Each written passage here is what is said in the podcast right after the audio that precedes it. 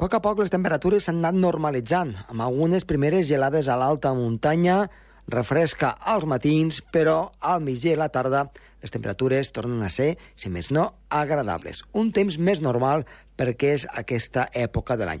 Sembla que pel cap de setmana i la setmana entrant venen canvis importants, amb precipitacions i potser alguna nevada una mica més consistent a l'alta muntanya. Comença el torn.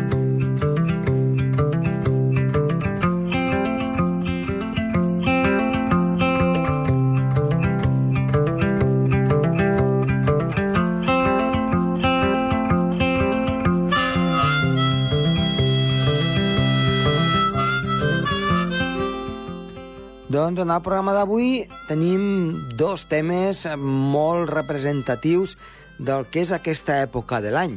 El primer de tots, amb en Gerard Tauler, parlarem del que ha estat fins ara aquest inici de tardor, una mica càlida. I després ens anirem a parlar eh, amb un company amic, amb Miquel Cea, que ens parlarà sobre el gel marí, tant de la zona del Pol Nord com també del Pol Sud. Veurem com ha anat l'estiu, des del punt de vista d'aquest gel, si n'hi ha hagut molt o n'hi ha hagut poc, i també tant al Pol Nord com al Pol Sud, en aquest cas al Pol Sud, de com ha estat l'hivern a l'Antàrtida. Recordem que allí doncs, eh, les estacions estan al revés que no pas a l'hemisferi eh, nord. Tot això, acompanyat de la previsió meteorològica, intentarem que vostès passin una bona estona amb aquest programa. Vinga, som-hi!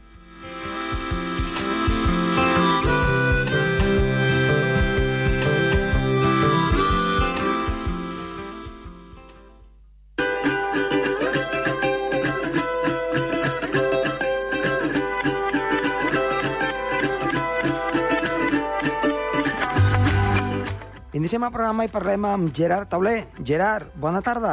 Hola, bona tarda, Josep Tomàs. Doncs bé, ens ha creuat un front per aquí pel Pirineu, ha refrescat, fins i tot eh, el, el dimarts, eh, de matinada, de matinada de dilluns a dimarts, va deixar una mica de neu a l'alta muntanya, una mica enfarinat, però tot i aquesta refrescada, avui, Gerard, comentaves fora d'antena, que vols que comentem una mica la tardor calenta, aquesta tardor calenta del 2019, perquè Sí, això de sembla... La, la, fins avui la temperatura mitjana és de 20,7 a Girona, que la mitjana és de 17 i mig al mes d'octubre.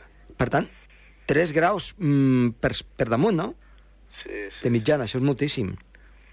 sí. sí, sí. No, no, no fa fred, no, no, de fred sí tampoc ha plogut gaire aquest octubre. A veure, què em pots explicar doncs, d'aquesta tardor calenta? Com, com, com ho veus? Cap on anirem? Home, ara sembla que l'última dècada d'octubre podria canviar, eh, almenys podria refrescar una mica, entrarien vents del nord, però moment han, han bufat ben pocs els vents del nord i han bufat més els vents del sud, i, i cap als dies entre els de, 11 i 14 vam tenir mínimes molt altes, gairebé tropicals, Mhm. que no, no és gaire habitual. Mm. Però, malgrat tot, eh, diguem-ne, la, la, la mitjana se'n va per... Encara que refresqui, estarà per damunt. Sí, estarà per sobre, sí, sí, sí. Eh, perquè quines mitjanes eh, se sol tenir amb aquest... Eh, Al el centre peri- de Girona, sí, la mitjana de aproximadament. 17 en 8 al mes d'octubre. Uh -huh. Aquest segle, eh? perquè el segle passat era molt més baixa, era de 16, 16 només. Uh -huh. eh, condicionat pot ser per, també pel, pel tema demogràfic o, o creus que hi ha alguna? Demogràfic, però sobretot les situacions sinòptiques, que Ja. són més aviat al sud, anticicló, calent, no, no, no, no, no venen refrescades. Uh -huh. I sobretot que hi ha hagut molts de núvols, el, el cel serè eh, eh, hem tingut pocs dies. Clar, aquesta època ja el balanç radiatiu és negatiu amb cel serè i quan hi ha núvols el balanç és més positiu, el balanç radiatiu, la radiació solar, la- l'entrant, l'energia de, de dona curta radiació solar i la ra- radiació de llarga, la que emet la superfície terrestre. Mm. Per tant, tu creus que fa més eh, les nits càlides que no pas... Eh, Sí, les nits càlides i sobretot que estigui núvols, sí, sí, sí. Ja, ja, ja. O sigui, nosaltres normalment pensem que, carai, les màximes són molt altes, per això puja la mitjana, però en veritat No, no, no. no és per sota, això, eh? Sembla que no es noti. No, no, home, hi ha altres a- tardors que sí que ha sigut així, com el Ja. ja. 95, com el 97, el 2011, però aquesta tardor és, és més pels núvols, que no, no baixa. Uh -huh. Per tant, eh, és la, la Ah, temperatura mínima. vegades aquests dies uh Mhm. -huh. últims de, de, de, de, de, de, de la Pilar, de la, del dia de la Pilar pel voltant, que, estava núvol a la, a la nit i després de dies serenava, i això feia que la mitjana es disparés. Clar, clar, clar. Per tant, eh, hem de tenir en compte això, aquests núvols eh, nocturns, que són els que fan pujar les Sobretot temperatures. Estrats, els estrats són els pitjors, els Mhm. núvols baixos, que no, no deixen baixar la mínima. Molt bé, Gerard. Doncs a veure, a veure com Vinga, evoluciona. Gràcies, la fresca. A veure, a veure, vinga. Adéu-siau.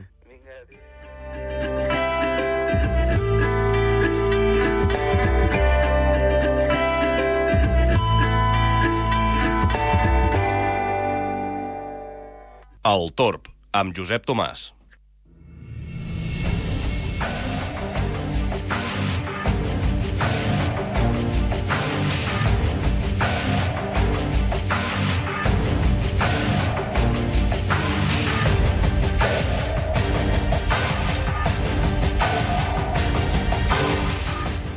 En el programa d'avui tenim eh, com a convidat a l'entrevista d'aquesta setmana a Miquel Cea, que és una persona que normalment sempre doncs, acudeix al nostre programa, el truquem i doncs, ens parla una miqueta del que és tot el pol nord, pol sud i el gel marí.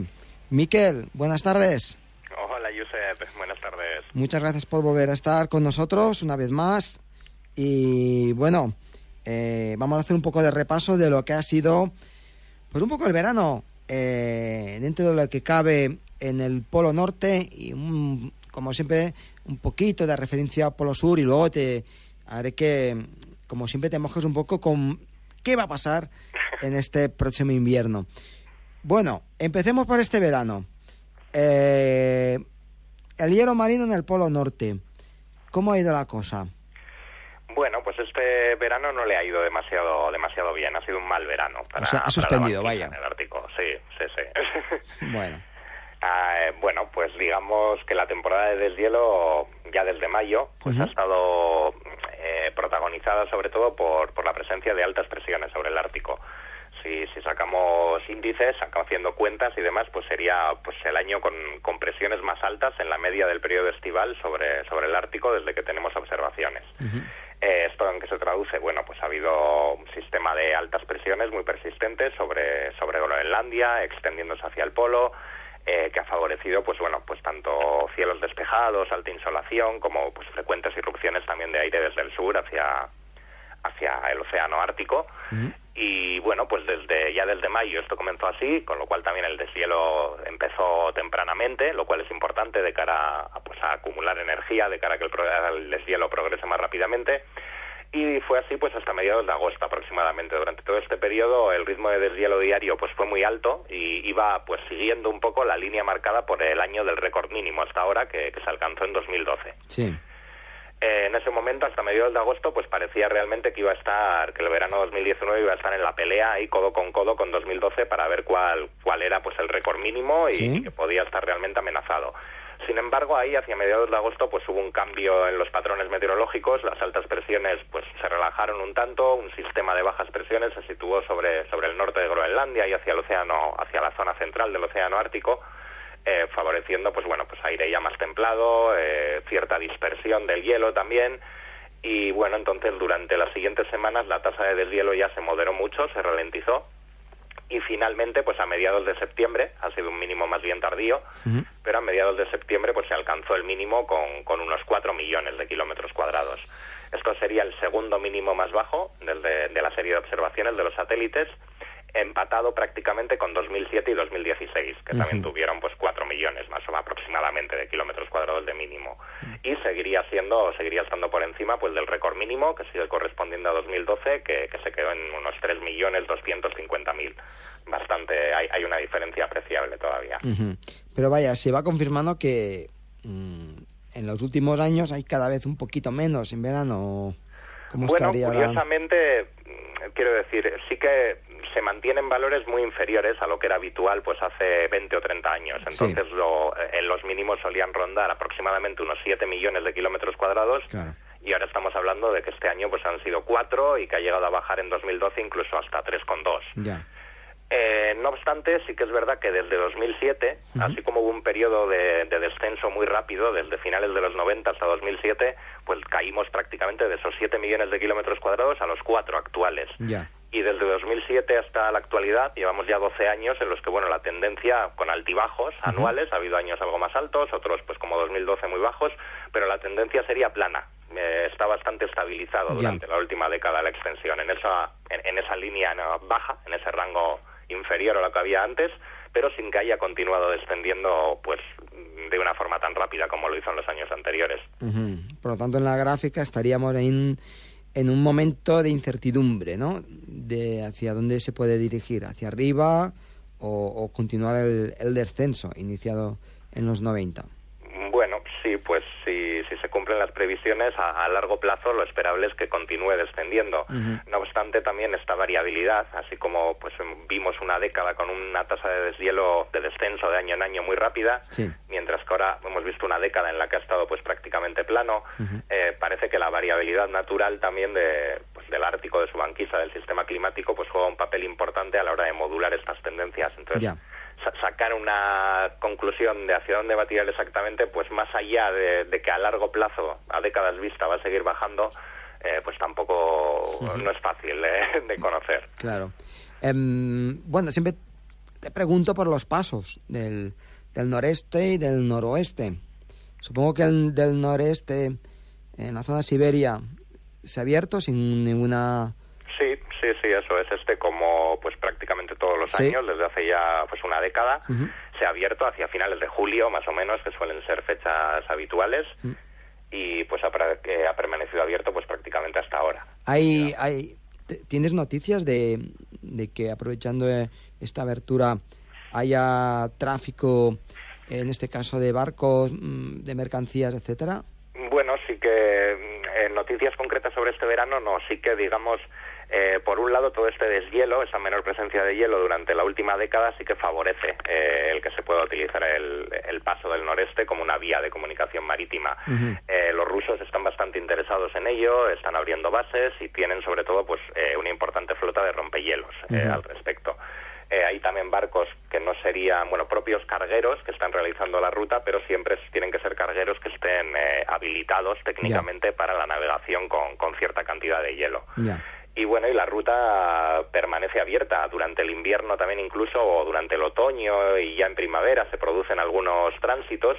Y luego en, en verano también, pues, pues también, eh, digamos que bueno, menor presencia de hielo eh, puede que ganen algo de velocidad eh, y los tránsitos son más rápidos, pero digamos que la ruta está funcionando un poco eh, independientemente de que el paso quede abierto o no, eh, gracias pues a esa flota de rompehielos y a esos buques pues preparados para sortear esas condiciones de hielo que, que siguen siendo habituales muchos meses eh, en estas zonas. O sea, es también una cosa más de técnica que no de inclemencia meteorológica o del, hie- del Sí, hielo normal que hay bueno. en, en- en esa, en esa época, ¿no? Eso es, digamos que bueno, sí que, que haya menos hielo en las últimas décadas siempre ayuda, pero al margen de ello, pues bueno, pues están haciéndolo más eh, una cuestión técnica, efectivamente, que, que dependiendo de- del estado del hielo. Aunque siempre es verdad que el hielo eh, al final manda, eh, incluso con rompehielos o con estos buques preparados, pues bueno, en ocasiones, cuando se dan las circunstancias eh, propicias para ello, pues se siguen produciendo incidentes de bloqueos de barcos y de barcos pues que se quedan temporalmente atrapados hasta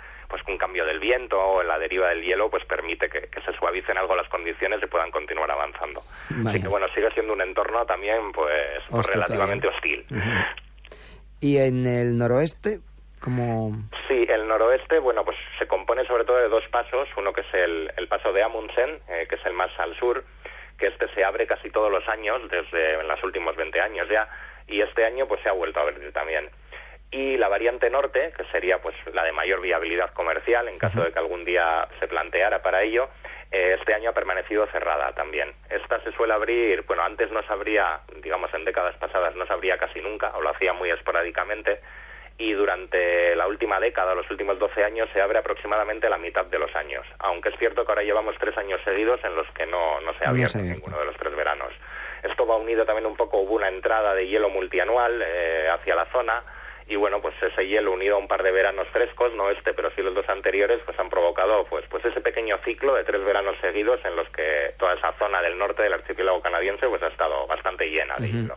En cuanto al grosor del hielo, se, se ha mantenido aumentando un poco, un poco pues ahora en verano no tenemos grandes datos. Eh, los satélites, digamos que observan Criosat, Criosat 2, que es la principal fuente de información sobre el grosor del hielo, también el satélite SMOS. Eh, durante el verano no, no operan debido a, bueno, pues con la temporada de deshielo, eh, la superficie del hielo por el deshielo de la nieve y del propio hielo se vuelve húmeda y, pues la señal no, no permite discernir eh, el grosor del hielo. Eh, ahora con el en, otoño, en octubre, pues poco a poco van a ir empezando otra vez a proporcionar datos y, bueno, veremos exactamente cómo se encuentra. Las estimaciones eh, de algunos modelos, de todas formas, bueno, apuntarían pues pues a una situación en, la línea de lo que hemos comentado un poco con la extensión, pues valores bajos, pero bueno, relativamente cercanos a lo habitual dentro de la última década. Vámonos al hemisferio sur en Antártida. ¿Cómo, cómo ha ido el, su invierno? Bueno, pues un invierno relativamente normal también en la Antártida.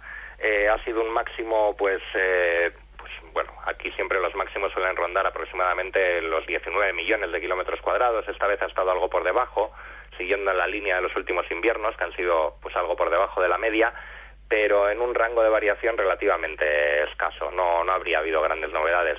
En realidad lo que es la banquisa antártica, bueno, pues es un parámetro climático que durante los últimos 40 años se ha mantenido bastante estable. No hay grandes noticias eh, en torno al mismo, más allá de, bueno, de algunas variaciones interanuales llamativas, de unos máximos alcanzados en torno a 2014 y unos mínimos hace dos un par de años o así, pero lo que es la tendencia es plana durante los 40 años de observaciones por satélite que tenemos, contrastando mucho con, con, el fuerte descenso que sí que ha habido pues en, en el vecino del norte, en el Ártico.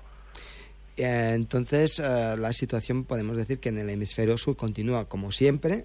Habíamos hablado, como tú has dicho, de esos máximos que había habido y ese punto, un poco de inflexión que parecía, pero luego se ha compensado a lo largo de estos dos últimos años. Y ahora nos preguntamos un poco eh, lo, que siempre te queremos que te mojes, pero que nunca te atreves a, decir, que es qué va a pasar en este invierno, en el, en el hielo marino del hemisferio norte. Bueno, ¿cuál es tu pues, predicción?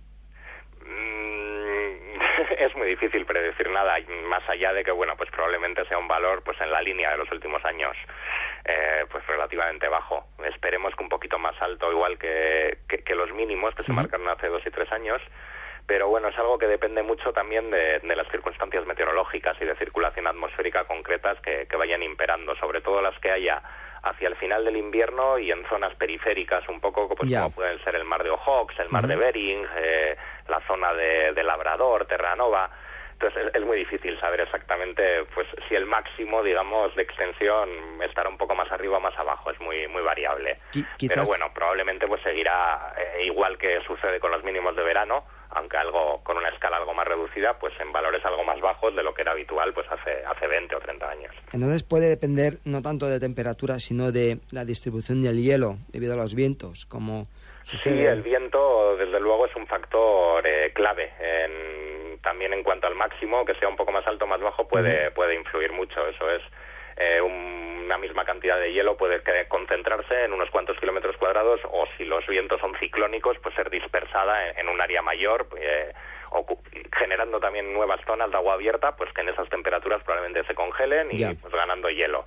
El viento es un factor también muy muy importante. Todo toda la banquisa ártica gira un poco en torno a temperatura, factores pues bueno, termodinámicos y a factores unidos al viento y a la deriva del hielo y su movimiento que serían pues los factores dinámicos. Y la, eh, la interacción entre ambos es la que va determinando pues su comportamiento en detalle. Muy bien, Miguel. Eh, para aquellos oyentes que te quieran seguir en redes sociales y en tu blog, dinos un poco dónde te pueden buscar. Sí, bueno, pues el blog es Diablo Banquisa, eh, y bueno, pues buscando en Google simplemente Banquisa en el Ártico o el blog del hielo marino, pues, pues lo van a encontrar sin ningún problema. Muy bien, Miquel, pues muchísimas gracias y como siempre te esperamos ahora, cuando termine el invierno, a ver que nos expliques qué es lo que ha pasado. Gracias y hasta la próxima. Gracias, Josep. Hasta la próxima.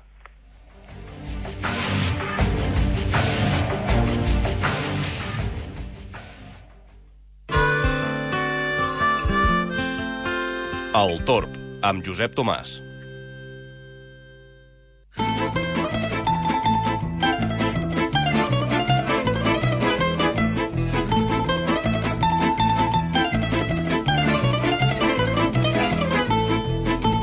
Doncs així d'animat, sempre amb aquesta musiqueta per la previsió del temps, perquè, a veure, eh, no ha de ser un cap de setmana massa estable, però del tot inestable mm, tampoc. Ens expliquem. Dissabte, diumenge, baixen les temperatures. Dissabte, nuvolositat variable, ens creuen diferents fronts al llarg de dissabte i diumenge, per tant hi ha d'haver variabilitat, una mica, en aquest sentit. Sembla que diumenge seria la jornada en què més precipitació hi podria haver. Tampoc plouria tot el dia, però sí que hi pot haver alguna calta precipitació. I, com diem, amb un descens de les temperatures que aniria refrescant, especialment ja diumenge. Fins i tot podria haver-hi alguna nevadeta a cotes eh, cap als 2.000 metres inferiors eh, fins i tot. Però vaja, tampoc massa cosa. Per tant, per anar a la muntanya, sí, però amb una mica de precaució i una mica abrigat, sapiguent que pot canviar eh, el temps ràpidament. Ens hem d'anar cap a la setmana vinent, dilluns al vespre, dimarts, dimecres, en què sembla que una pertorbació es formarà al Golf de Lleó, a la zona del llevant mediterrani, ens afectaria també a nosaltres i estaria després eh, amanida amb una entradeta d'aire fred que podria donar alguna nevada a cotes fins a 1.500 metres. Per tant, sembla que es començaria a complicar una mica més la situació i seria més de tardor. I atenció, eh, tant dimarts com dimecres sembla que a zones de costa mediterrània podria haver-hi algun que altre aiguat. Precaució en aquest sentit al Pirineu no s'esperen aiguats, però sí que la precipitació podria ser generosa. Ho haurem d'anar seguint fil per randa, però, com diem, si van a la muntanya aquest cap de setmana, eh, precaució, perquè el temps pot ser una mica canviant i, sobretot, agafin una mica de roba d'abric.